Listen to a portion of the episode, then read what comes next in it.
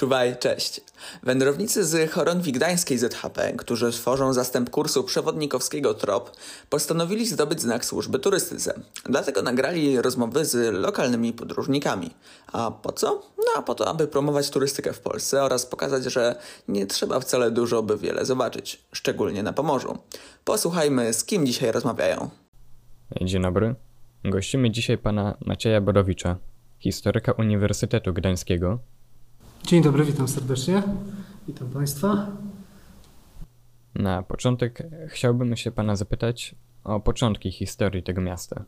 Dlaczego osada powstała akurat w tym miejscu i co doprowadziło do jej przemiany w miasto? Y, mając na względzie najstarsze dzieje osady i grodu gdańskiego, Trzeba troszeczkę też przywołać okres o wiele wcześniejszy aniżeli e, wiek X. Przede wszystkim należy tutaj zwrócić uwagę na tak zwane emporia, czyli miejsca handlowe, które koncentrowały się właśnie w południowym pasie basenu Morza Bałtyckiego, a więc mamy tutaj na myśli Wolin, Kołobrzeg, ale także Elbląskie, nieopodal współczesnego Elbląga, Truso.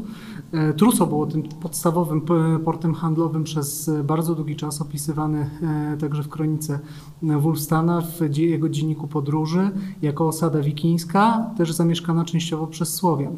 Natomiast w związku z upadkiem mm, Trusa, e, miasta, tej osady, osady Truso, najprawdopodobniej plemię, które zamieszkiwało rejon Zatoki Gdańskiej, zdecydowało się pewnym sensie przejąć rolę tego ośrodka portowego i pierwszą taką osadą, można powiedzieć, na Pomorzu Gdańskim, która miała to zadanie ściśle handlowe, był port wbrew pozorom w Pucku. Natomiast co do Gdańska, co akurat tutaj jest związane z Gdańskim jest to, że najprawdopodobniej na samym początku było to jedno z grodzisk, które miało na celu po prostu osłanianie o wiele bardziej w tamtym czasie korzystniej położonego ośrodka portowego w Pucku. Ślady archeologiczne przede wszystkim e, badania, które były prowadzone przez kilka nawet stuleci. Ostatnie badania były prowadzone w związku z umieszczeniem krzyża milenijnego na Górze Gradowej.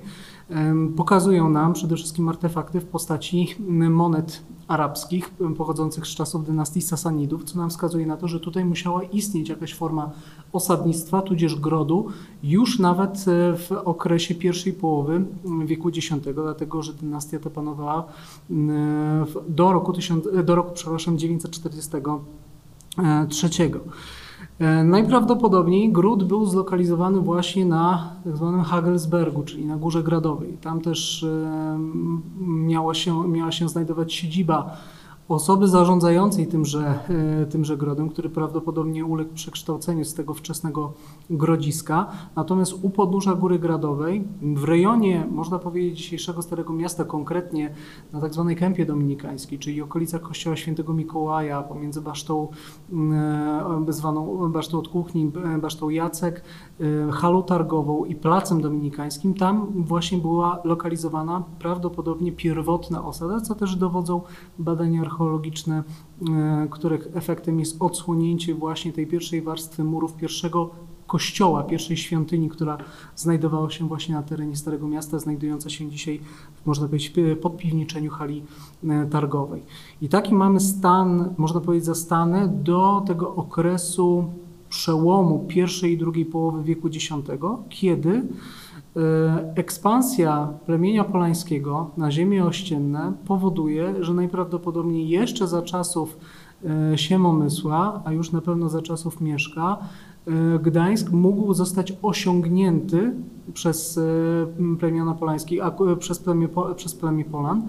Akurat Polanie prowadzili taką politykę, że w miejscach, gdzie, w miejscach, które podbijali, zmieniali lokalizację ośrodków administracyjnych. Jeszcze ważniejszy, ważny był Puck, ale w związku z tym, że chciano jakby przerzucić, przenieść kontrolę e, administracyjną nad e, całym regionem, zdecydowano się przenieść na peryferyjnie w stosunku do Pucka położony właśnie mm, Gród e, Gdański, to właśnie centrum administracyjne. Najprawdopodobniej przypuszcza się, że w Grodzie, Grodem zawiadywał w imieniu pierwszych władców państwa piastowskiego Mieszka i Bolesława zawiadywał Komes, mm, tutaj bliżej nieznany, nie wiemy, czy był w jakikolwiek sposób spokrewniony z dynastią książęcą, możemy ewentualnie tego w jakiś sposób przypuszczać.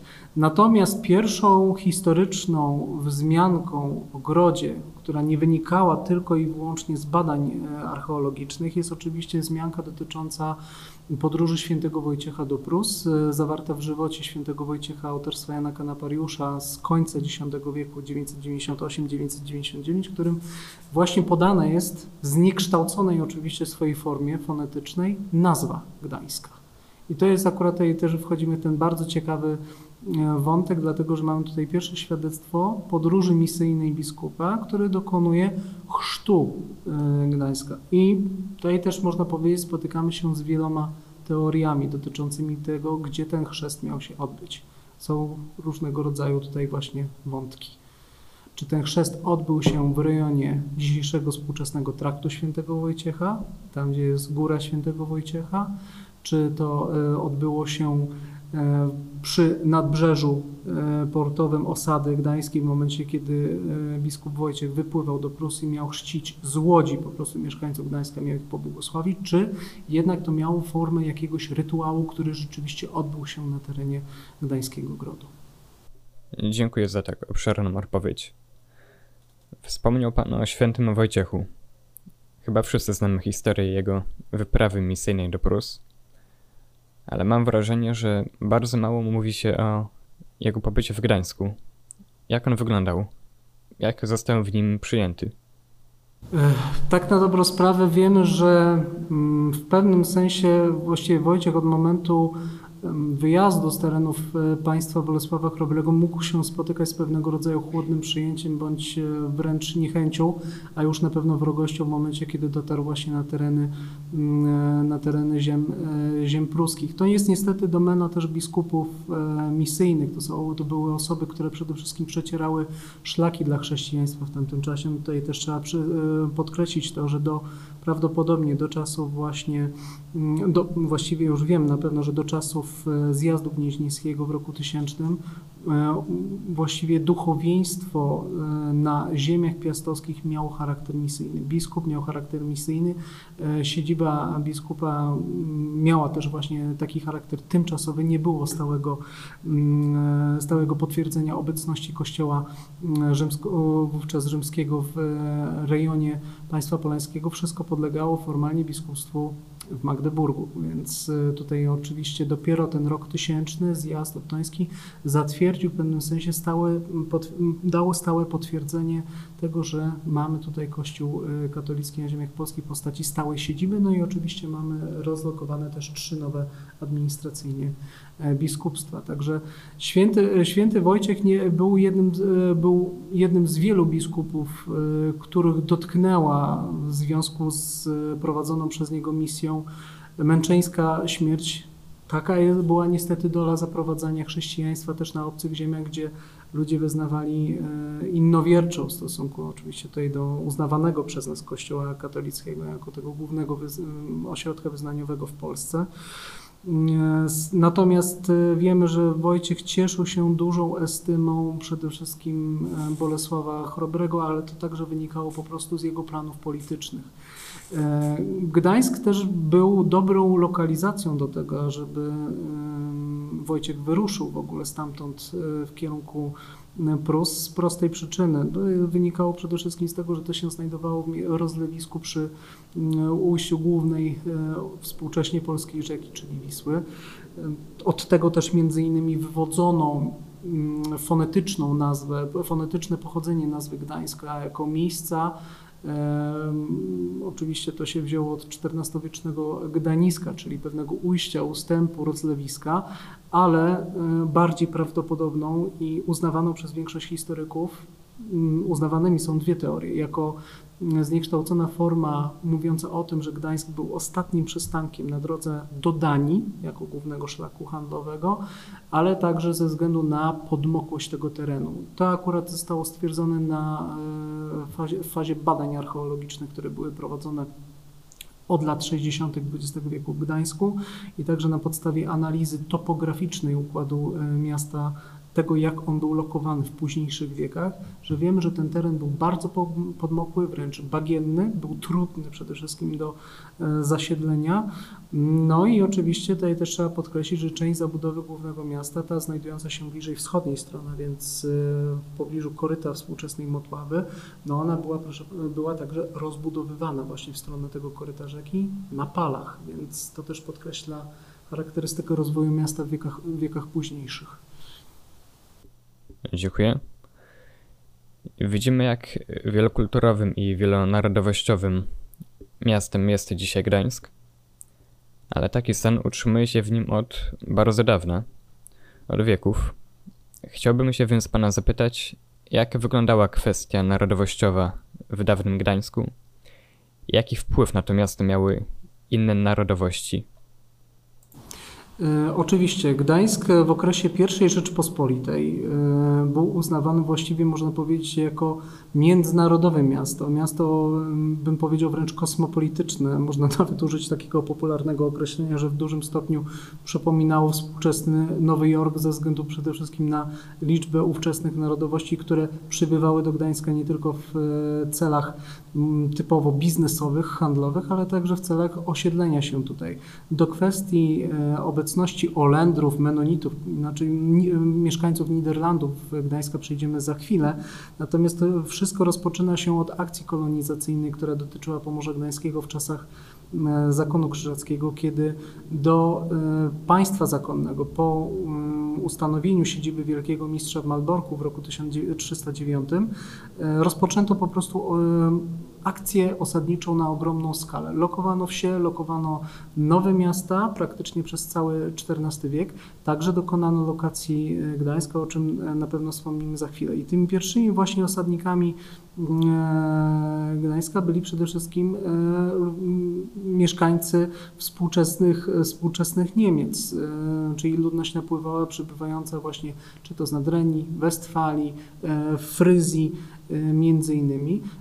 Również trzeba to podkreślić, e, mieszczaństwo e, sprzed e, pojawienia się zakonu krzyżackiego właśnie na terenach ziemi chełmijskiej, w czasie, ziemi, w czasie rządów na ziemi chełmijskiej przed zajęciem Pomorza Gdańskiego również była w dużym stopniu mm, pochodzenia, pochodzenia niemieckiego, co wynikało przede wszystkim z kontaktów handlowych, które Gdańsk starał się, starał się w jakimś stopniu rozwijać. Warto tutaj napomknieć przede wszystkim przyjęcie prawa lubeckiego, kodeksu lubeckiego dla Gdańska przez księcia Świętopełka 1226 roku.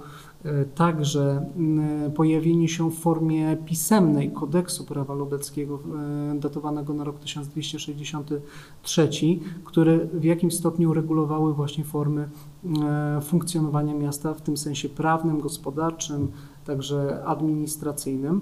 Trzeba tutaj też to podkreślić, że prawo lubeckie w stosunku do prowadzonej przez e, krzyżaków kolonizacji na prawie chełmińskim było wiele bardziej korzystne z punktu widzenia miasta, to znaczy gwarantowało miastu i Radzie Miejskiej przede wszystkim wolności w zakresie sprawowania sądownictwa, o bardzo wysokim statusie i także niskim statusie, prawo właściwie do samostanowienia miasta w sensie prawnym, prawo do wydawania wilkierzy, czyli przepisów, które obowiązywały w mieście, natomiast prawo chełmińskie regulowało mm, te kwestie w dużej mierze na rzecz władcy zwierzchniego, czyli w tym wypadku właśnie zakonu krzyżackiego, który wprowadził taki model, można powiedzieć, trochę pośredni, byleby tylko zachować nad miastami e, kontrolę. Natomiast już wspomniałem tutaj Holendrów i nie bez przyczyny, dlatego że była to mieszkańców w ogóle Niderlandów, e, terenów krajów dzisiejszego Beneluxu, która, e, które w dużym stopniu przyczyniły się do rozwoju Gdańska w tej epoce nowożytnej, z tego względu, że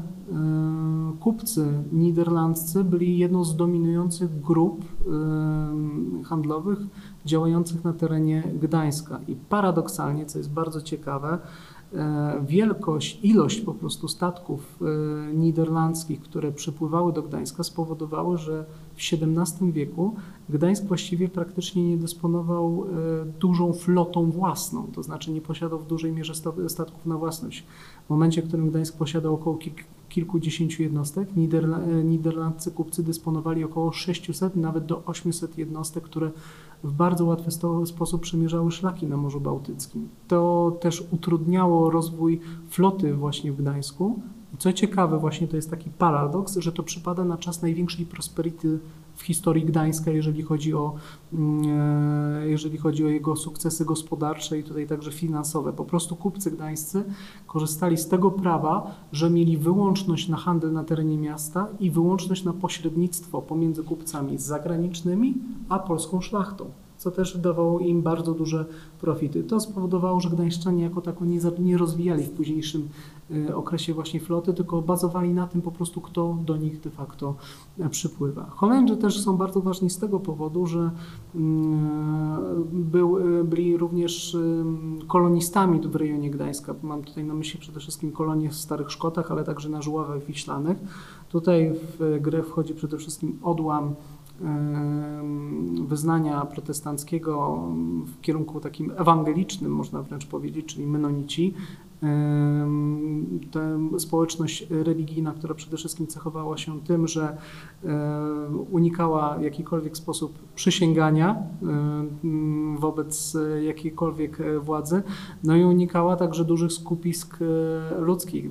Z drugiej strony też słynęli przede wszystkim z bardzo e, dobrej jakości wyrobów rzemieślniczych, przede wszystkim tekstylnych, co też było podstawą do tego, żeby cechy gdańskie nie umożliwiały im w dużym stopniu handlowania na terenie miasta, wręcz zabraniano po prostu menonitom osiedlać się E, w rejonie ówczesnego głównego miasta Gdańska, ze względu na to, że mogli po prostu wówczas kupcy gdańscy stracić e, klientelę na rzecz właśnie, na rzecz właśnie zakładów które, tekstylnych, które były pochodzenia tego menonickiego. E, menonici słynęli także z wyrobów doskonałych likierów, o czym najlepszym przykładem jest oczywiście mm, probiernia, która znajdowała się E, w miejscu współczesnej restauracji Der Lachs, czyli łosoś. Tak? I tutaj mam na myśli słynnego gdańskiego Goldwassera, którego receptura przetrwała do dziś i jest e, wytwarzana oryginalnie, już niestety nie e, tutaj u nas w Gdańsku, ale w Niemczech. Także te narodowości, tutaj wspomniałem oczywiście Niemców, którzy głównie odpowiadali za Mm, taką akcję urbanizacyjną na terenie Pomorza i Gdańska. Holendrzy, którzy odpowiadali za handel, ale także Szkoci, Anglicy, e, pośrednictwo e, francuskie, hiszpańskie i włoskie. To duża liczba właśnie tych narodowości, także z terenów e, dawnej Rusi, z Nowogrodu. To wszystko to i Skandynawii nakładało się przede wszystkim na wzrost potęgi gospodarczej Gdańska w okresie nowożytnym. Powiedział Pan o prawie na jakim był lokowany Gdańsk i o przywilejach, jakie ono dawało. Chciałbym się więc pana zapytać, czy owe przywileje były swoistym zaczątkiem późniejszej autonomii Gdańska, niespotykanej w innych miastach Rzeczpospolitej? To znaczy, w kwestii e, lokowania Gdańska na e, prawach, bo tak na dobrą sprawę mamy tutaj bardzo długi proces, zróżnicowany ze względu na to, któremu z osiedli przyznawano dane konkretne prawo i kto był właśnie wystawcą tego prawa. Wspomniałem już o księciu Świętopełku i o kodeksie prawa lubeckiego. No ale także proszę, trzeba pamiętać o tym, co się stało z początkiem XIV e, wieku, kiedy dochodzi do tak zwanej rzezi gdańskiej i najprawdopodobniej zniszczenia e, Gdańska przez Krzyżaków. Nawiążemy może do tego trochę osobno. Tak, dokładnie.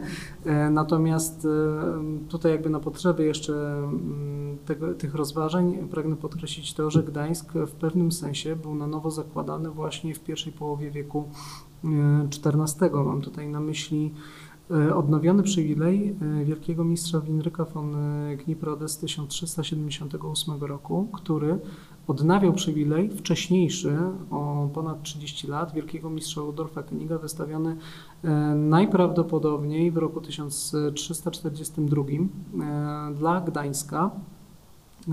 Do tej pory, jeżeli chodzi o datację tego przywileju pierwotnego, nie ma ścisłości ze względu na to, że oryginał tego dokumentu nie został do tej pory odnaleziony i to jest póki co jedna z największych zagadek dotyczących historiografii e, miasta Gdańska, co ten przywilej e, zawierał, jakie konkretnie zapisy, natomiast część tych zapisów jest właśnie w tym odnowionym przywileju z drugiej połowy XIV wieku, więc mniej więcej jesteśmy w stanie stwierdzić, formę lokacji Gdańska właśnie bliżej koryta Motławy. Stare miasto, jak sama nazwa wskazuje, to które mm, wywodziło się właśnie z tej osady, która znajdowała się na tego kępie dominikańskiej, najprawdopodobniej na skutek rzezi uległo zniszczeniu właśnie przez y, krzyżaków.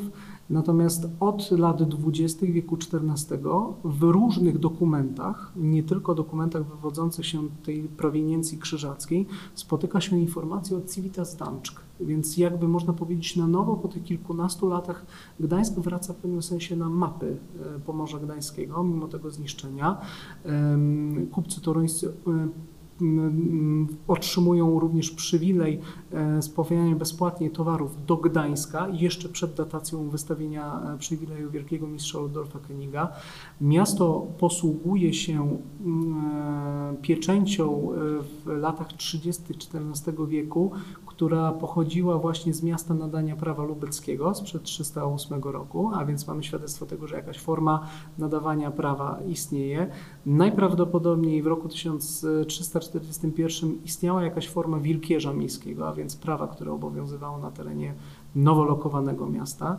No i mamy także informacje z ksiąg gruntowych e, pochodzących z lat 30. XIV wieku, w których jest mowa o ulicy Świętego Ducha, jest mowa o ulicy Długiej, jest mowa o ulicy Rzeźnickiej, a więc y, te miejsca pojawiają się, y, te ulice pojawiają się właściwie tuż przed formalnym wystawieniem przywileju dla tego nowego ośrodka lokowanego tuż przy Motławie.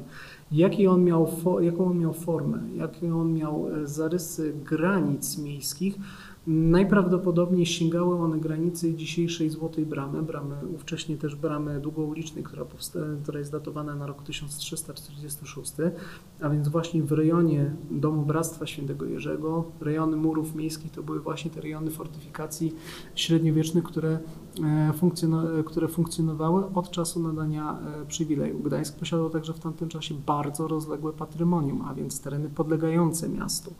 E, zarówno od strony Siedlec e, i e, Suchanina, jak i po drugiej stronie dzisiejszego kanału Nowej Motławy, czyli w stronę tutaj Żuław, Żuław Gdańskich. Proces właściwie powstawania na nowo miasta w roku 1342 jest bardzo złożony. Właściwie funkcjonujemy tylko na zasadzie pewnych przesłanek wynikających z dokumentów, natomiast ten obraz staje się pełniejszy po ich połączeniu. I tutaj właśnie mamy ten nowy rozdział w dziejach miasta, lokowany na formie prawa chełmińskiego, tudzież quasi-lubeckiego, e, w którym przyznawane są pewne wolności e, miastu, główne miasto, bo wówczas nazywano je prawym miastem, funkcjonuje w takim kształcie praktycznie aż do wojny 13-letniej, kiedy e, podczas których oczywiście rozwija także swoje E, swoje patrymonium i rozwija ten ośrodek, przyłączając to nowe łąki pod inwestycje, pod budowę, e, pod budowę, e, pod budowę domów miejskich, czy też po prostu wzmacniając swój potencjał gospodarczy.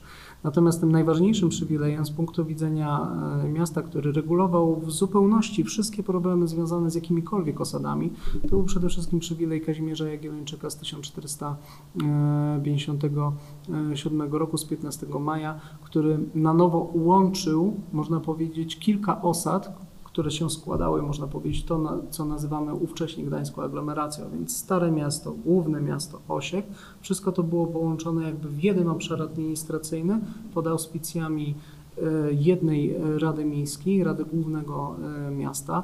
Miasto zyskało w tym samym czasie, ale także na bazie innych przywilejów, prawo właśnie stanowienia wilkierzy, e, było zobowiązane tylko do uiszczania bardzo skromnej opłaty e, w wysokości 2000 florenów rocznie do skarbca królewskiego e, i także było zobowiązywane do tego, żeby przynajmniej raz w roku przez trzy dni król mógł ze swoją świtą gościć na terenie Gdańska. W tym celu również gdańszczanie byli zobowiązywani do zbudowania pewnego czy to rodzaju pałacu, czy też zamku. Ciężko jest to określić z tego względu, że gdańszczanie nigdy się nie wywiązali z tego zapisu, ale król także zobowiązał się do tego, że żaden zamek kontrolujący miasto nie powstanie w promieniu około współczesnych 40 km od Gdańska, co też pokazywało, że Gdańszczanie za sprawą udziału w wojnie 13-letniej zyskali sobie tak ogromne przywileje, tak ogromny potencjał, który dał im podstawę do tego, ażeby rosnąć w kolejnych wiekach. I ten przywilej właśnie kazimierzowski jest uznawany jako ten,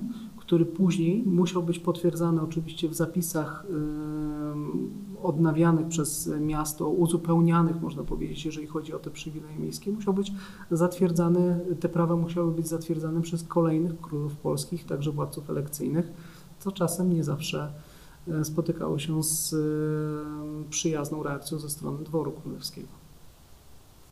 Wspomniał Pan o Wielkierzach. E, czym one tak naprawdę były? Wielkierze były to przede wszystkim kodeksy miejskie, które regulowały różnego rodzaju sprawy o charakterze prawnym. Najczęściej były to e, kwestie e, sądownictwa e, miejskiego, czyli przede wszystkim umieszczanie, czyli mm, przepisy karne dotyczące różnego rodzaju przewinień ze strony członków wspólnoty miejskiej wraz z odpowiednimi tego, tego karami.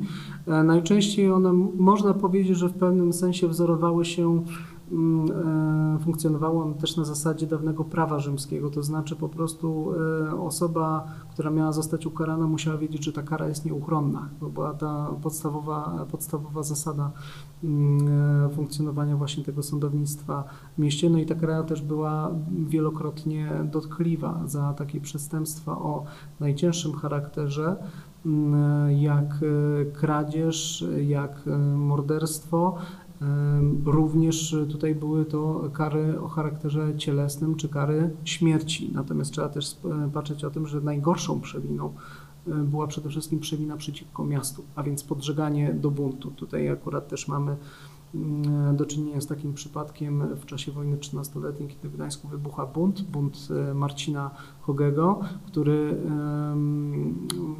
organizuje grupę spiskowców przeciwko polityce ówczesnej Rady Miejskiej, mającej na celu właśnie sprzymierzenie się bardziej z Kazimierzem Jagiellończykiem, aniżeli z Krzyżakami, kogo wybiera bardziej tą drugą opcję, to znaczy żąda przede wszystkim zaprowadzenia spokoju i tego, ażeby Gdańsk nie musiał tak dużo ułożyć środków finansowych na wojnę w tamtym czasie prowadzoną przez e, króla, króla polskiego. No oczywiście tutaj Uczestnikami spotkania spiskowców byli także dwaj członkowie, byli dwa, dwie osoby związane z przedstawicielami Rady Miejskiej, które czym prędzej doniosło te informacje o ewentualnym buncie, do, co doprowadziło do tego, że Koge został, Koge został poddany wielogodzinnym torturom różnorakim, a następnie został ścięty toporem przed dworem, przed dworem Artusa.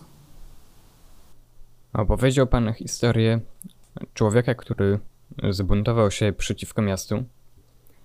Ale znamy takie momenty, kiedy to całe miasto buntowało się przeciwko swojemu suwerenowi.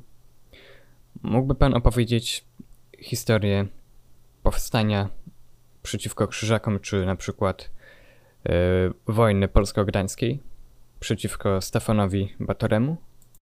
Oczywiście.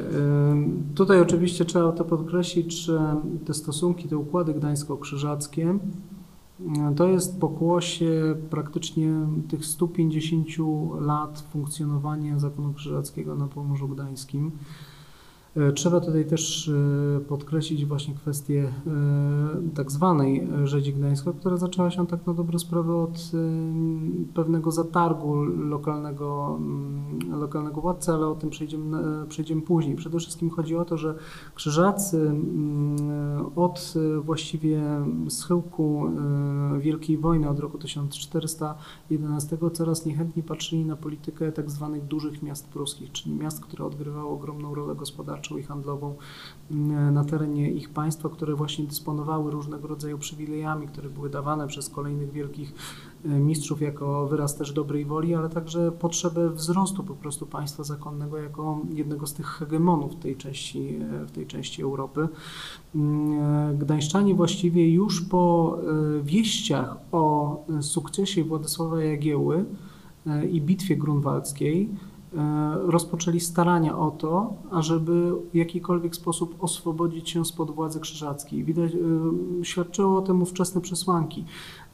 Król Jagiełło razem ze swoim wojskiem po bitwie grunwaldzkiej, mimo tego, że on opuścił to pole kilka dni później, kilka dni po stowarzyszeniu bitwy, kolejno przejmował miasta na Pomorzu Gdańskim.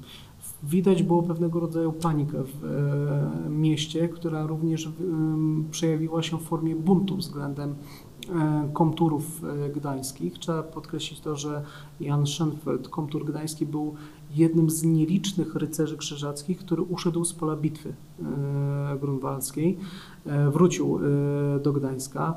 Kontur domowy, czyli ten, który odpowiadał za sprawy gospodarcze danego zamku, w tym wypadku Gdańska, e, przez mieszczan gdańskich był przeszukany w momencie jego powrotu do Gdańska przed wejściem na zamek.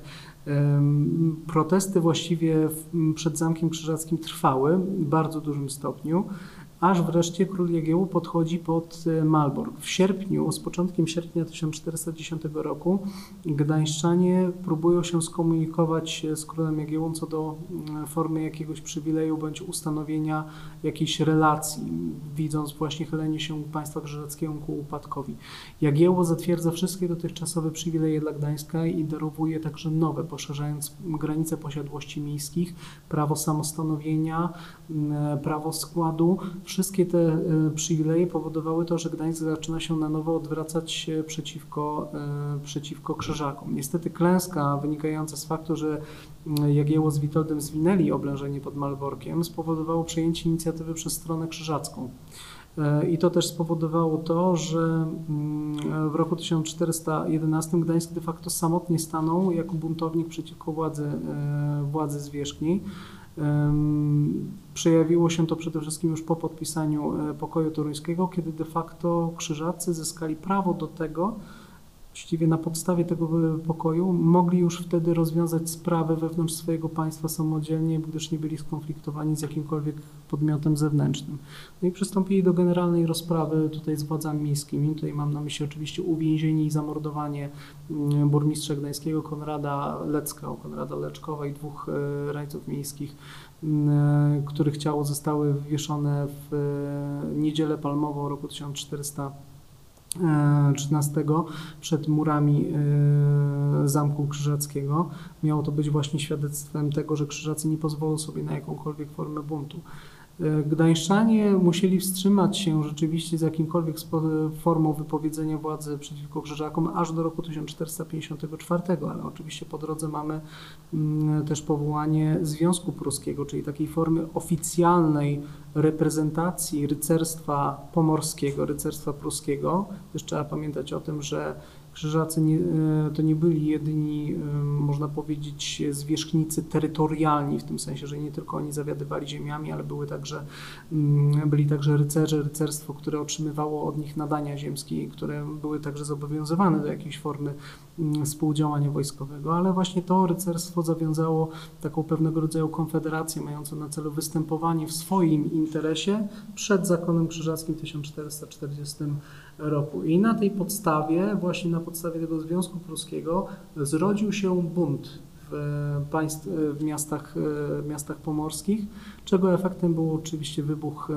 drugi, wybuch w lutym 1454 roku i właściwie zajęcie większości miast poza Malborkiem i Sztumem. Sztumem dlatego, że to była letnia rezydencja Wielkiego Mistrza, a Malbork był stałą rezydencją. Wszystkie pozostałe miasta zostały przejęte właśnie przez e, członków, przez e, osoby związane właśnie ze Związkiem Pruskim i też wtedy zwrócono się właśnie do króla Kazimierza Jagiellończyka z prośbą o wsparcie, o to, żeby król przyszedł tutaj ratować uciemiężone miasta pomorskie przez, e, przez zakon. Co do wojny polsko-gdańskiej właśnie. Polsko-gdańskiej możemy wrócić za chwilę. Dobra. Żeby zachować zasady chronologii. Oczywiście. Często był tu wspominany zakon krzyżacki, który przez bardzo długi czas rządził Gdańskiem. Chciałbym się pana spytać, jak ten okres zapisał się w historii tego miasta? Jak został zapamiętany? Właściwie można powiedzieć, że tutaj jest pewnego rodzaju nie chciałbym użyć słowa dysonans poznawczy, ale jest pewnego rodzaju dwojakość postępowania Krzyżaków w stosunku do mm, tego, co się składa na, gdańską, na gdańskie osiedle e, miejskie. Tutaj oczywiście ta wspomniana rzeź gdańska, która zaczęła się, tak zwana rzeź, która zaczęła się od właściwie lokalnego zatargu y, związanego z tym, że dominujący ród y, w Gdańsku, można powiedzieć rycerski, wojował przede wszystkim z mm, jednym biskupem z terenów jego województwa zachodniopomorskiego.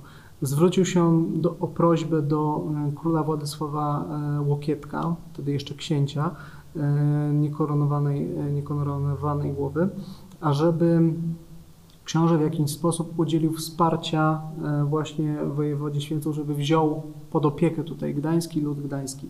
Co ciekawe jest to, że mieszczanie gdańscy byli bardzo niechętni władzy e, zwierzchniej ze strony księcia e, piastowskiego z tego względu, że kiedy po raz pierwszy Władysław Jagieło, e, przepraszam, Władysław Okietek pojawił się na, mm, na terenie Pomorza Gdańskiego, potwierdził przywileje dla e, Gdańska dawane wcześniej przez e, innych władców, ale także chciał zatwierdzić funkcjonowanie kantoru lubeckiego na bardzo uprzywilejowanych zasadach prawnych i na bardzo uprzywilejowanych zasadach finansowych. To spowodowało niechęć mieszkańców Gdańska do Łokietka, który, którzy po prostu nie chcieli jakiejkolwiek obecności kogoś innego, aniżeli oni, którzy mieliby handlować na terenie Gdańska i to będzie miało ogromną rolę w biegu późniejszych wydarzeń. Władysław Okietek nie udziela wsparcia mm, wojewodzie Święcy, a wówczas e, e, gdyż nie dysponował środkami e, takimi finansowymi, no i oczywiście ród Święców zwraca się w tym momencie do margrabiów brandenburskich jako takiego organizmu politycznego, który był bardzo potężny wówczas na Pomorzu Gdańskim, z prośbą o to, żeby Gdańsk wzięto pod opiekę. Dlatego Święca nie zgodził, nie, można powiedzieć, złamał e, słowo dane Łokietkowi z tego względu właśnie, że książę polski nie wywiązał się z takiej podstawowej zasady, która obowiązywała w ramach prawa lennego, czyli jak senior lennikowi się wywiązuje z zobowiązań, to lennik seniorowi również powinien. Więc, na, więc tutaj została złamana ta zasada wzajemności i święca na tej podstawie złamał też ten układ. Margrawiowie brandenburscy byli też e, dobrze widzianymi, można powiedzieć, władcami także w samej osadzie gdańskiej wówczas, e, dlatego też e, zajęli właściwie Gdańsk bardzo szybko w 1308 roku. Uchował się wówczas tylko jedynie Gród Gdański, którym zawiadywał sędzia Bogusza, jako jedyny, który pozostał wierny księciu polskiemu Łokietkowi, jako ten administrator z ramienia księcia piastowskiego.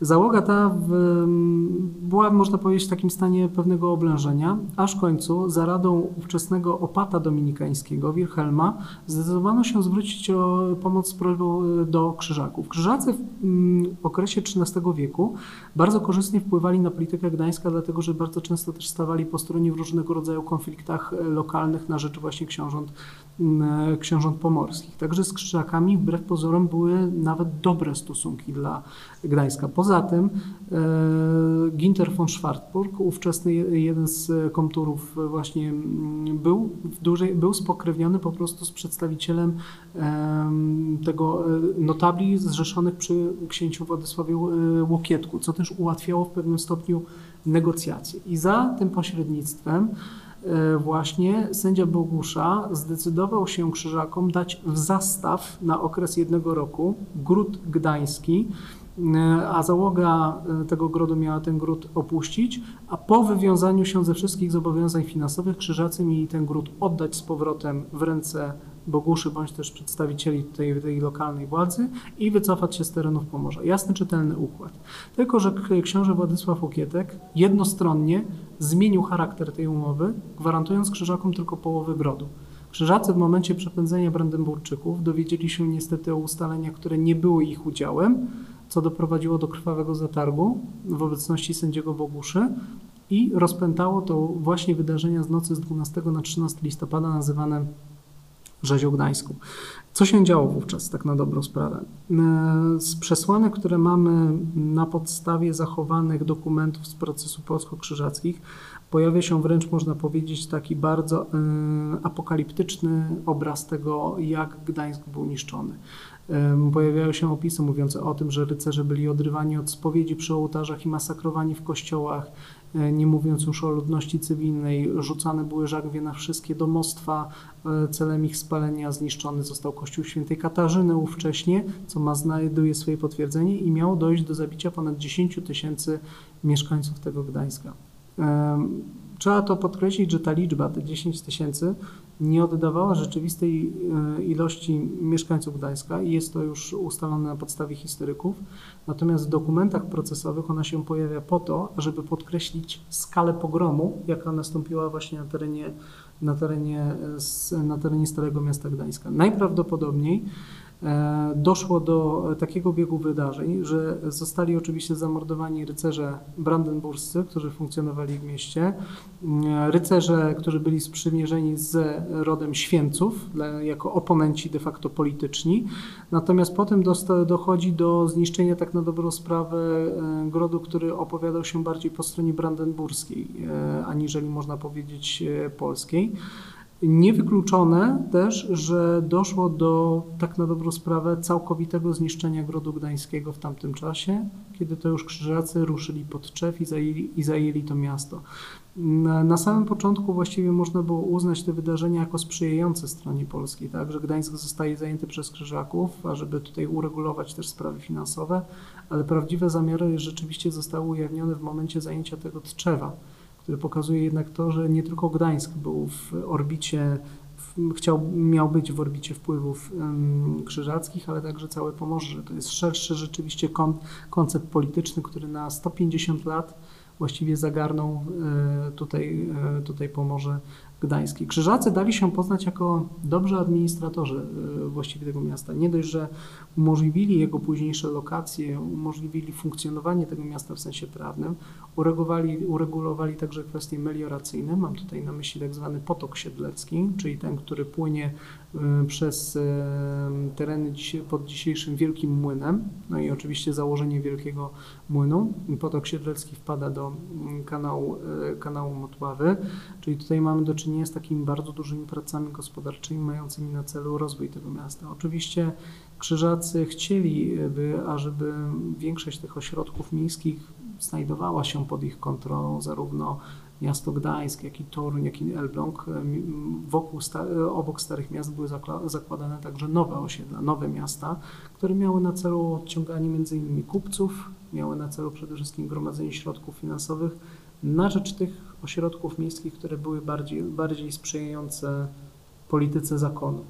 Chodzi też tutaj o to, że mm, Krzyżacy rozwinęli Gdańsk także poprzez ich udział właśnie w kontaktach handlowych z Hanzą. To tutaj będzie taki pewnie kolejny rozdział do osobny domowie.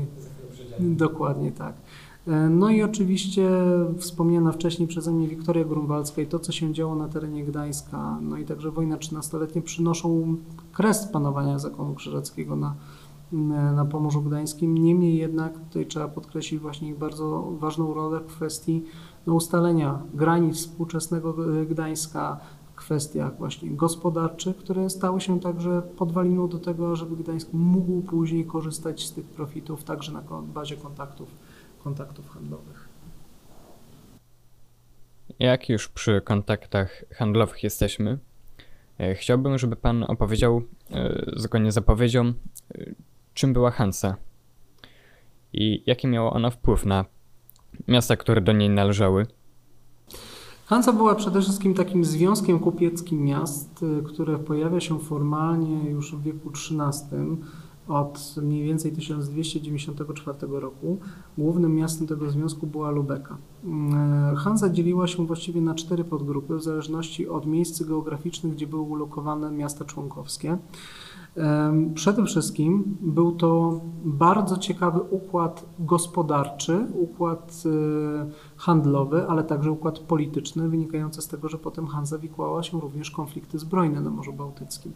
Chodziło przede wszystkim o to, że miasta regulowały powinności między sobą za pomocą weksli, za pomocą gwarancji ubezpieczenia, ujednolicały stawki celne, no i oczywiście handlowały między, e, między sobą, e, w zależności od tego, kto wchodził w skład tych miast członkowskich. Gdańsk był członkiem Hanzy od 1360 pierwszego e, roku. Wynikało to także z faktu, że e, port gdański handlował z Lubeką w okresie epidemii czarnej śmierci.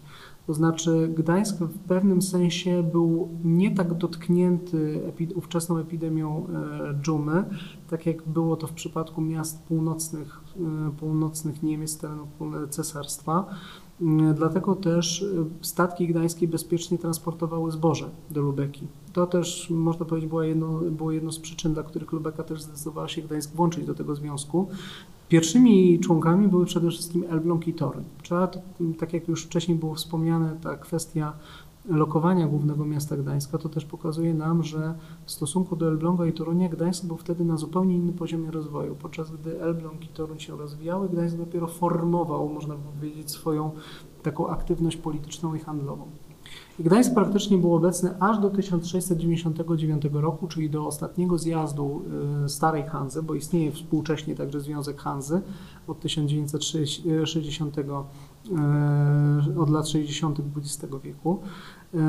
Był obecny praktycznie na wszystkich ważniejszych zjazdach, zarówno generalnych, jak i lokalnych y, miast. Dla Gdańska układ z Hanzą był bardzo korzystny na samym początku i właściwie można powiedzieć, że miasto stało się dla, dla, tego, dla tej organizacji kupieckiej w pewnym sensie, no nie chciałbym użyć tutaj też słowa pasożyt, ale najbardziej skorzystało ze wszystkich miast e, w tamtym czasie. Właściwie w momencie, kiedy Hanza malała, pozycja Gdańska nie, niebywale rosła. Kontakty handlowe, jakie za pośrednictwem kupców e, z Rostoku, Lubeki, Wismaru Gdańsk uzyskał, były niebagatelne. Przede wszystkim tutaj chodzi o sprowadzanie soli z Zatoki Biskajskiej od miast portowych tej południowo-zachodniej strony współczesnej Francji, ale także o pośrednictwo pomiędzy w kontaktach e, śródziemnomorskich z kupcami pochodzących z Hiszpanii, z mm, e, Włoch, basenu, ogólnie rzecz biorąc basenu Morza Śródziemnego, skąd sprowadzano m.in. towary luksusowe, takie chociażby jak, e, jak wino. Także układy handlowe z miastami, portami skandynawskimi, um, gdzie głównym tutaj towarem obrotowym były miedź, ale także śledzie, co wbrew pozorom właśnie może się wydawać, że taki pospolity towar, ale jednak śledź, proszę Państwa, był takim, no można powiedzieć, był kamieniem węgielnym dla handlu gdańskiego, był podstawowym towarem, e, podstawowym towarem obrotowym, na którym Gdańsk zyskiwał yy, zyskiwał pieniądze, no i oczywiście także handel zbożem. Te kontakty właściwie umożliwiły y, Gdańskowi niebagatelny wzrost. Gdańsk oczywiście był także zobowiązany do służby wojskowej w ramach jakiegokolwiek konfliktu, który miałby się rozegrać z udziałem e, właśnie Ligi Hanzeatyckiej. Taki, był oczywiście taki konflikt, gdzie jak tutaj basenu Morza Bałtyckiego, nazywany właśnie pierwszą wojną o Dominius Maris Baltici, czyli kto byłby dominatorem właśnie tego Morza Bałtyckiego. Tutaj wchodzą, mm, wchodziła w grę Mecklenburgia, czyli można powiedzieć tereny pogranicza polsko niemieckiego, czyli Pomorza Zachodniego i współczesnej Mecklenburgii, Małgorzata Duńska, czyli królowa Danii, Szwedzi, Krzyżacy i można powiedzieć właśnie osobno Hanza, która ułożyła tutaj na, na to, ażeby dominować tutaj na tym polu handlowym na Morzu, na Morzu Bałtyckim. Statki gdańskie y, za sprawą Hanzy także docierały w odleglejsze rejony, aniżeli tylko pogranicze Morza Bałtyckiego i Morza Północnego. Tutaj też warto wspomnieć o udziale pewnej karaweli, która sprowadziła y, ołtarz Hansa Memlinga, są to ostateczne gdańska, karaweli Peter Fontancji, która właściwie wypłynęła na o wiele szersze wody i dotarła w rejony kanału La Manche, gdzie właśnie zarekwirowała statek. I to też się stało podstawą ówczesnego konfliktu dyplomatycznego pomiędzy Hanzą a, mm, e, a mm, ten, a ówczesnymi, ówczesnymi Niderlandami, który został rozwiązany za pomocą pokoju w Utrechcie. Niemniej jednak ołtarz nie został zwrócony prawowitemu właścicielowi zamawiającemu, czyli Angelo Taniemu, który miał trafić właśnie do miał trafić, miał trafić do Włoch, ale został u nas właśnie przy, przy Gdańsku. Także te kontakty dla Gdańska z Hanzą niebagatelne pod względem gospodarczym, handlowym, jeden z też z takich, można powiedzieć, jedna z też z takich podstaw, które regulowały stosunki w mieście, gwarantowały pewnego rodzaju prawa i obowiązki mieszczan, no i oczywiście ogromne, ogromne pieniądze. Za sprawą tego można powiedzieć, że Gdańsk zaczynał być wówczas oknem na świat dla późniejszej Rzeczypospolitej.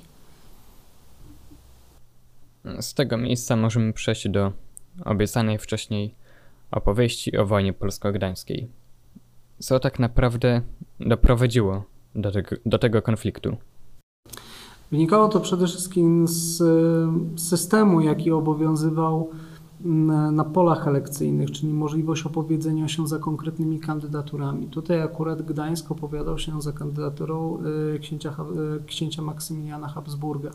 I ta kandydatura była mm, bardzo intratna z punktu widzenia e, Gdańska, z tego względu, że miała gwarantować pewnego rodzaju swobody handlowe dla kupców gdańskich no i oczywiście gwarantowała nowe przywileje, które zapowiedział Maksymilian Habsburg w ramach rokowań, bo też trzeba pamiętać o tym, że każdy z kandydatów do tronu polskiego no, musiał takie rokowania z odpowiednimi przedstawicielami, czy to szlachty, czy nawet miast, po prostu negocjować tak, żeby jak największa grupa opowiedziała się za nim. E, po jego, po jego stronie. Tutaj, Czyli taki odpowiednik kampanii wyborczej. Można powiedzieć, w pewnym sensie taki odpowiednik e, właśnie kampanii wyborczej, no ale oczywiście musiał być ten podstawowy warunek, czyli zatwierdzenie wszystkich dotychczasowych wolności i przywilejów. E, tutaj akurat oczywiście wynik e, na polach elekcyjnych był jasny. W maju 1576 roku został obrany na tron polski książę siedmiogrodzki Stefan Batory e, i miasto nie uznało tego wyboru. To znaczy, dopóki król nie zatwierdzi wszystkich przywilejów i praw, nie uzna wyboru króla e, księcia siedmiogrodzkiego na tron polski. E, wówczas to Stefan Batory zwołuje pewnego rodzaju sąd w Toruniu, mający na celu rozpatrzenie sprawy Gdańska i tego buntu i ma też na celu ukaranie miasta. Co jest bardzo ciekawe, w niedługim czasie, w sierpniu 76 roku, książę Maksymilian Habsburg umiera, ale nie zmienia to stanowiska Gdańska. Dalej nie chcą Batorego. I tak na dobrą sprawę dochodzi do pewnego rodzaju, czy to można nawet powiedzieć współcześnie, współcześnie przepychanki. My swoje, oni swoje.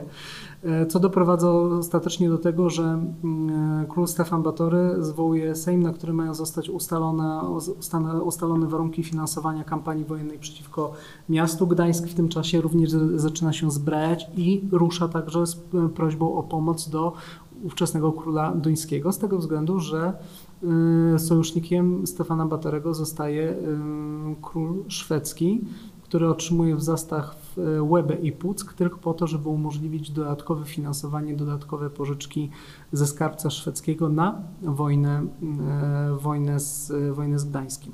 Dochodzi do, te, do krótkiego, krótko, krótkotrwającego konfliktu, konfliktu zbrojnego na, w bitwie nad Jeziorem Biszewskim właściwie wojska gdańskie, które są złożone w dużej mierze z uzbrojonych mieszczan, mieszczan ponoszą sromotną klęskę. Miasto jest oblegane w 1577 roku, osobno jest oblegany Gdańsk i osobno jest także oblegana twierdza Wisłości, która co prawda nie wchodziła w granice administracyjne głównego miasta, dlatego że znajdowała się zupełnie dużej odległości od y, granic murów, y, murów miejskich, no ale stanowiła tą strażnicę, właśnie ten, przyczółek portowy i latarnię morską w tamtym czasie dla mm, portu, y, portu gdańskiego. I tam też właśnie E, można powiedzieć, Gdańszczanie odnoszą największe sukcesy, to znaczy wypady z twierdzy, e, ówczesnej twierdzy Wisłoujście na pozycje królewskie po drugiej stronie e, kanału portowego doprowadzają do tego, że Gdańszczanie zdobywają zarówno działa, jak i po prostu dotkliwie odpierają, odpierają wojska, wojska, wojska królewskie. E, niemniej jednak koszta tego konfliktu dla Gdańska były dosyć olbrzymie. Istnieje do tej pory taka charakterystyczna anegdota związana z ołtarzem e, autorstwa Michała Augsburga, który znajduje się w kościele Najświętszej Marii Panny. E, na tym głównym ołtarzu znajdowały się wokół niego te złote figurki, które miały zostać przetopione na monety po to, żeby sfinansować działania gdańskie przeciwko królowi, królowi polskiemu. Dochodzi do rozwiązania tego konfliktu. Miasto zostaje zaproponowany rozejm i statuty Karnkowskiego, które formalnie Gdańsk w jakimś stopniu uznaje, ale nie stara się ich stosować, dlatego że one w dużej mierze regulowały E, pewnego rodzaju politykę morską, która została zapoczątkowana przez króla Zygmunta Augusta, który umyślił sobie, że Gdańsk będzie tym głównym portem wojennym, na co Gdańsk specjalnie nie chciał się zgodzić, nie chciał być po prostu takim miastem coraz bardziej podporządkowanym polskiemu władcy i to też się przejawiło w czasie właśnie rządów e, króla Stefana Batorego. E, było to, była to pierwsza i tak na dobrą sprawę jedyna dotkliwa porażka Stefana Batorego na polu militarnym, bo E, można przypuszczać, że oblężenie Gdańska stało się potem podwaliną jego sukcesów militarnych na kierunku wschodnim, kiedy zdobywano po kolei Połock, Wielkie Łuki ostatecznie Psków e, Iwana Groźnego. Natomiast Gdańsk za sprawą tego konfliktu potwierdził swoją pozycję jako tego miasta uprzywilejowanego, mimo statusu miasta królewskiego od czasów Kazimierza Jagiellończyka, miasta uprzywilejowanego w granicach Rzeczypospolitej. Kolejnym dość osobliwym epizodem w historii Gdańska jest okres wolnego miasta, ale pod zarządem francuskim z czasów wojen na napoleońskich. Odnoszę wrażenie, że nawet jeżeli ktoś o tym słyszał, to nic o tym nie wie. Mógłby pan opowiedzieć o tym okresie? Oczywiście. Tutaj akurat dla samego Gdańska można powiedzieć, że okres e, obecności wojskowej Francuzów e, od ustanowienia wolnego miasta Gdańska przez cesarza Napoleona, też na mocy traktatu w Tylży z Calem Aleksandrem do momentu oblężenia Gdańska w latach 1812-13 był okresem pewnego rodzaju niepokoju, ale także spadku znaczenia gospodarczego Gdańska w tamtym e, okresie. Oczywiście Gdańsk e, mierzył się jeszcze z gorszymi wyzwaniami, e, mianowicie także z okresem wojny północnej z początku XVIII wieku, za sprawą także której przywleczono do Gdańska między innymi epidemie, które stały się potem podstawą różnego rodzaju problemów społecznych w Gdańsku. Były i gorsze momenty, natomiast rzeczywiście ten okres tych kilku lat no, można powiedzieć, takich rządów e, gubernatora francuskiego, generał, pułkownika, generała Jean Rapa, z ramienia Napoleona był dla Gdańska dosyć e, trudny. Na miasto została nałożona ogromna kontrybucja, która miała zasilić skarbiec Napoleona e, na potrzeby właśnie wypraw wojennych. Właściwie miasto miało wówczas charakter taki bardzo militarny. Przede wszystkim było podporządkowane armii, e, armii francuskiej. Urządzano z obiektów sakralnych i gospodarczych przede wszystkim stajnie na potrzeby kontyngentów francuskich. Gdańsk odgrywał też ogromną rolę jako ten taki strategiczny port, który był punktem przeładunkowym na ewentualny właśnie kierunek wschodni i wojnę z Moskwą. No i niestety ta porażka Napoleona spowodowała, że raz, że do Gdańska została przywleczona epidemia w związku z powrotem, odwrotem wojsk francuskich spod Moskwy w 1812 roku, ale potem sprzymierzone oddziały rosyjskie i pruskie rozpoczęły oblężenie Gdańska. Oblężenie wyglądało w ten sposób, że miasto w jakimś stopniu funkcjonowało osobno. Najcięższe walki były prowadzone przede wszystkim na Gradowej Górze. E, I e, Wówczas ten teren uległ ogromnym zniszczeniom. Tam znajdowały się pozycje francuskie i główne fortyfikacje dopiero właściwie zdobycie Gradowej Góry oznaczało kapitulację, kapitulację dla Gdańska, na które ponownie zostały nałożone ogromne e, e, środki finansowe. Ten okres tych kilku lat był właśnie dla Gdańska bardzo ciężki. To był właśnie okres, który spowodował e, upadek, kolejny, jeden z takich kolejnych momentów upadku Gdańska wieku XIX jako tego portu y, znajdującego się właśnie w południowej strefie basenu Morza Bałtyckiego. Y, no i także pod kątem y, ludnościowym, gdyż oblężenie Gdańska spowodowało wyludnienie, kilka tysięcy osób zmarło na skutek samej epidemii, już nie mówiąc o osobach, które poległy w wyniku po prostu w wyniku tego tego gigantycznego oblężenia, które doprowadziło właściwie także do zmiany ukształtowania terenu samej Gradowej Góry. E, to też trzeba, to też trzeba tutaj, e, tutaj podkreślić. E, dobrych aspektów, ciężko zauważyć dobre aspekty obecności funkcjonowania Francuzów na, na terenie Gdańska. Było to raczej, bym powiedział, takie nastawienie na wyciągnięcie jak najwięcej korzyści przy pozostawieniu tak na dobrą sprawę niskich nakładów możliwości, jeżeli chodzi o, jeżeli chodzi o stronę francuską, co doprowadziło do takiego stanu rzeczy już właśnie na początku wieku XIX. Wspomniał Pan o epidemiach, jakie nawiedzały Gdańsk. I nawiązując trochę do sytuacji panującej na świecie, chciałbym, żeby opowiedział Pan o epidemii, która zapisała się najgorzej w historii tego miasta. To znaczy Gdańsk w, właściwie w okresie nowożytnym był nawiedzany przez różnego rodzaju epidemie i plagi co kilkanaście lat. Tą najstarszą oczywiście epidemią, która jest w jakimś stopniu wzmiankowana w Gdańsku była epidemia dżumy, która rozprzestrzeniała się od 1348 roku po całej, mm, przepraszam, 46 roku po całej Europie. Mniej więcej ona jest datowana w Gdańsku właśnie na te lata 1349-1350 mm, i to w okresie już tym takim późniejszym, bo jeszcze do lipca 1350 roku statki e, gdańskie wypływały do Lubeki zaopatrując miasto, e, miasto w zboże. Nie mamy, co do, nie mamy tak na dobrą sprawę informacji co do opisów, co wówczas się tak na dobrą sprawę działo. Szersze opisy mamy oczywiście dla tego okresu nowożytnego, gdzie Gdańsk został nawiedzony przez ogromną epidemię dżumy ospy i yy, cholery mm, w latach 709-711 właśnie na skutek wojny północnej, które, kiedy to właściwie Pomorze Gdańskie, wszystkie miasta pomorskie i także Kujawy zostały zalane przez e, falę epidemii szuka i mano się przede wszystkim różnych sposobów. Rozwiązania prawne polegały na tym, co jest bardzo też e, ciekawe, ażeby mieszkańcy, którzy wyruszają z Gdańska, co jest ciekawe, nie było e, zamknięcia w żadnym stopniu miasta w tamtym czasie, tak, y, i tutaj akurat y, miasto rzeczywiście regulowało pewne przepisy prawne, co jest bardzo ciekawe.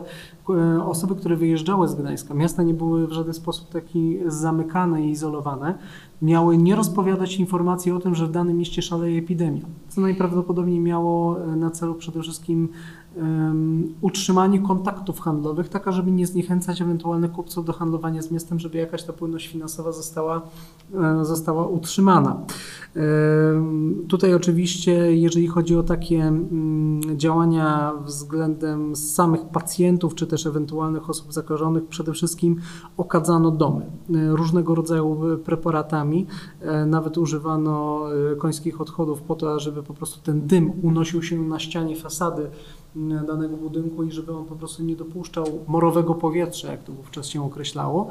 Ale co jest bardzo także ciekawe, na rycinach gdańskich, e, z tamtego, e, które pokazują nam to, jak wyglądał tam ten czas i chowanie przede wszystkim osób zmarłych, pojawia się bardzo dużo ilustracji pokazujących osoby z fajkami, a więc e, palono po prostu nagminnie tytoń, ażeby siebie samego także okazać. Oczywiście charakterystyczne maski doktora śmierć były także w użyciu z tym charakterystycznym tasim dziobem, które na samym końcu tego koniuszku tego dzioba znajdowały się tam olejki eteryczne, które po prostu w odpowiednich warunkach one uwalniały ten swój zapach mający na celu właśnie odciągnięcie tego złego powietrza od e, twarzy ewentualnego modyka. Oczywiście również różnego rodzaju działania przede wszystkim podejmowano na e, osobach, którym, e, którym pojawiały się charakterystyczne wypryski, spuszczano także krew, e, również stosowano zabiegi na wrzody jako to miejsce przypuszczalnych,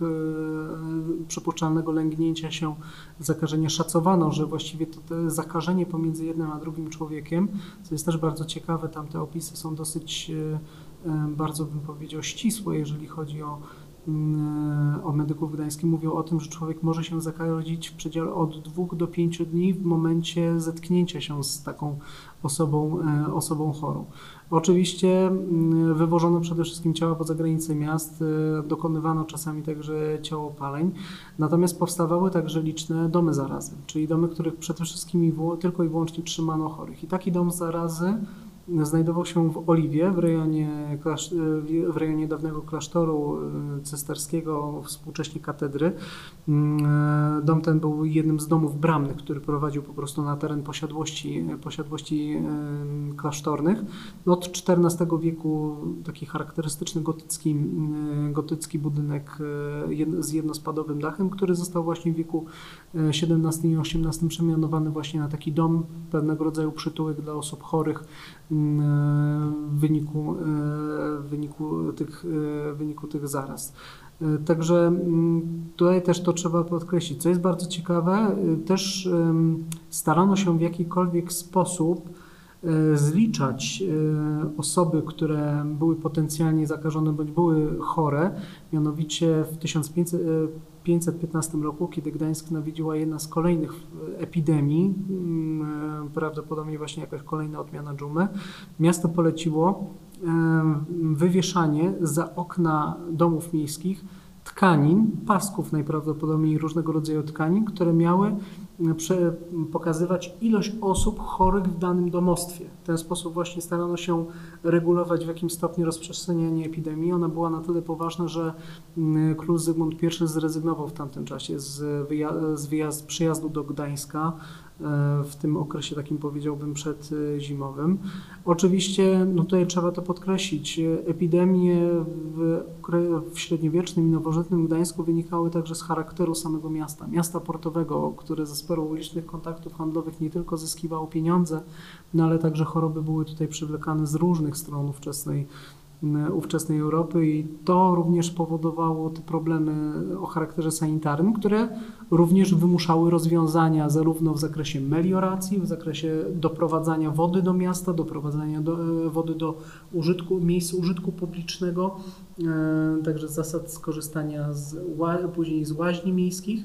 E, no, ostatnia taka epidemia, można powiedzieć, pojawiła się dosyć, można powiedzieć, późnym okresie, bo z końcem II wojny światowej, kiedy mm, wojska e, Armii Radzieckiej przywlokły do Gdańska e, epidemię tyfusu duru co spowodowało to, że mm, e, takim bardzo dużym ogniskiem choroby stało się ówczesne więzienie na ulicy Kurkowej, gdzie właściwie choroba, tak jak i współcześnie, nie patrzy, kto jest jej ofiarą, czy to kobiety, starcy, mm, pracownicy pracownicy więzieni, około tysiąca osób na skutek tej epidemii właśnie w latach 45-46 e, zmarło. Oczywiście istnieją różnego rodzaju anegdoty mówiące o tym, że starano się pędzić jakąś formę alkoholu, byleby tylko dezynfekować się zarówno zewnętrznie, jak i wewnętrznie w budynku, budynku więziennym właśnie strażnicy próbowali dokonywać e, takich czynności, no bo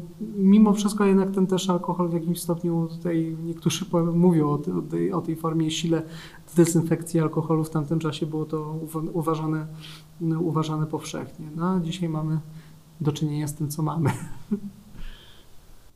Już powoli zbliżając się do końca, chciałbym, żeby powiedział Pan co pan sądzi o dla niektórych dość kontrowersyjnej tezie, jakoby Gdańsk to były lub nie były To znaczy Kaszuby? oczywiście, jeżeli chodzi o mm, tutaj granice Gdańska i Sopotu, to mogą Państwo też zobaczyć właśnie przy E, wjeździe mm, do Oliwy, gdzie znajduje się właśnie słup, informacja, że wkraczają Państwo w granicę miasta powiatowego Gdańska od strony Sopotu.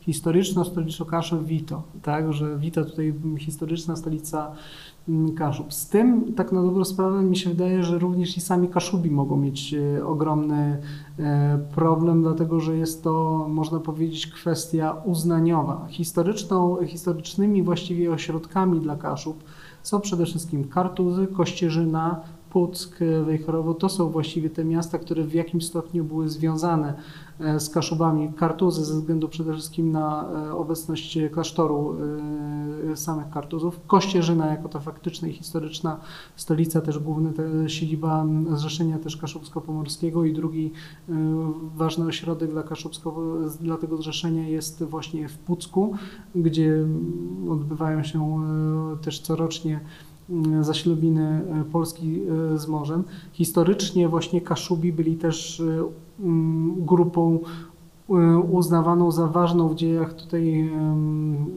Polski po odrodzeniu po I wojnie światowej, gdyż oni bardzo silnie optowali właśnie w lokalnych plebiscytach za tym, żeby jak najwięcej ziem kaszubskich zostało Mm, zostało przyłączonych, y, przyłączonych właśnie do, do Polski. Tutaj oczywiście na pierwszy plan wysuwają się zarówno Roman Abraham, jak i Bazylii Miotkę, tacy dwaj najpoważniejsi działacze społeczni, a później także polityczni y, na rzecz Kaszubów, którzy, no to akurat Bazylii Miotkę um, oczywiście skończył tragicznie ze względu na jego męczeńską, właściwie można powiedzieć, śmierć w lasach w Lasach Piaśnickich, jak i właściwie cała społeczność kaszubska, która uznawała właśnie tą mm, polską narodowość w tamtym czasie.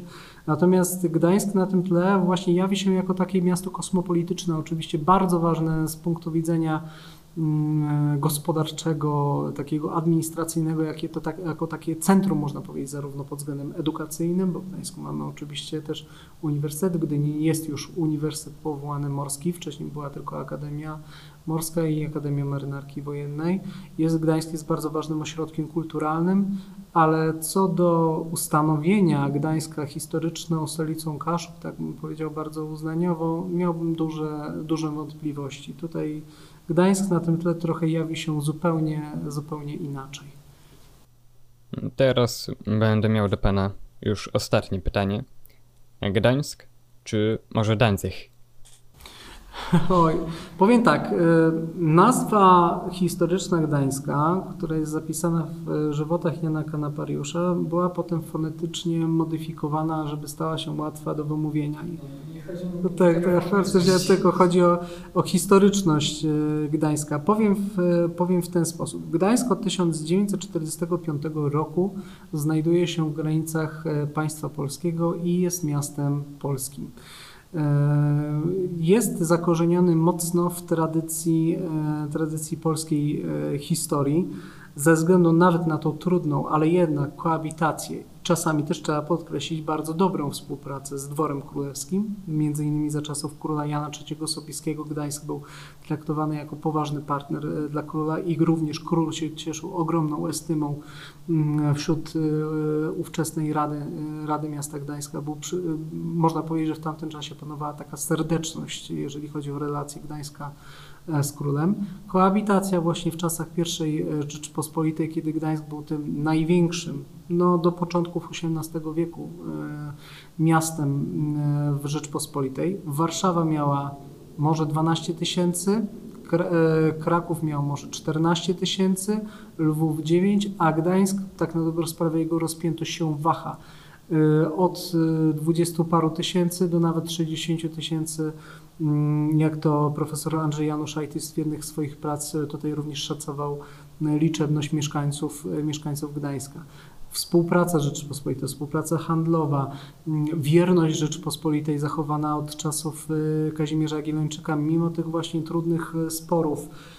No i oczywiście przynależność także w pewnym sensie taka geograficzna, gdyż Gdańsk zawsze był w orbicie zainteresowań polskich, tak jak już to zostało wykazane właśnie od czasów tych pierwszych władców y, y, polańskich, od czasów Mieszka I, zawsze on się znajdował w orbicie tych wpływów i obecność, można powiedzieć, w granicach państwa piastowskiego Gdańska świadczyła o pewnej stabilności w dziejach Polski. Kiedy mamy do czynienia z rozbiciem dzielnicowym, to Gdańsk jest obwołany samodzielnym księstwem przez e, ród e, tutaj książąt gdańskich, z których wywodzili się ich najznamienitsi przedstawiciele, Świętopeł II czy Mściwój II. E, Rzeczpospolita jest w kryzysie wtedy, kiedy Królestwo Polskie jest w kryzysie i stara się odzyskać Pomorze za czasów panowania zakonu krzyżackiego. Rzeczpospolita jest w kryzysie, kiedy miasto jest otaczane w wyniku pierwszego rozbioru Polski przez ziemię pruskie, mimo zachowania tej autonomii na ten okres do drugiego rozbioru. Rzeczpospolitej nie ma w wieku XIX i Rzeczpospolita odradza się bez Gdańska, ale jednak tęskni chyba trochę za tym miastem e, właściwie przez cały ten okres okres międzywojenny w czasie sporów polsko-niemieckich. Także ja, ja bym optował tutaj jednak za określeniem Gdańsk, nie, Gdan, nie Danzig. Dobrze. Dziękuję panu bardzo za poświęcony czas, a słuchaczom za uwagę. Dziękuję również i mam nadzieję, że tutaj będzie się państwu miło słuchało narracji. Bardzo dziękuję. I jak? Podobało się? Nie zapomnijcie o subskrypcji ZHP Podcast, aby zawsze być na bieżąco z kolejnymi odcinkami. Jesteśmy na Spotify, podcastach Apple, Google, Breaker, Overcast i Anchor. A może i wy chcecie tworzyć ZHP Podcast? Napiszcie do nas na Facebooku zhp.pl. Czuwaj!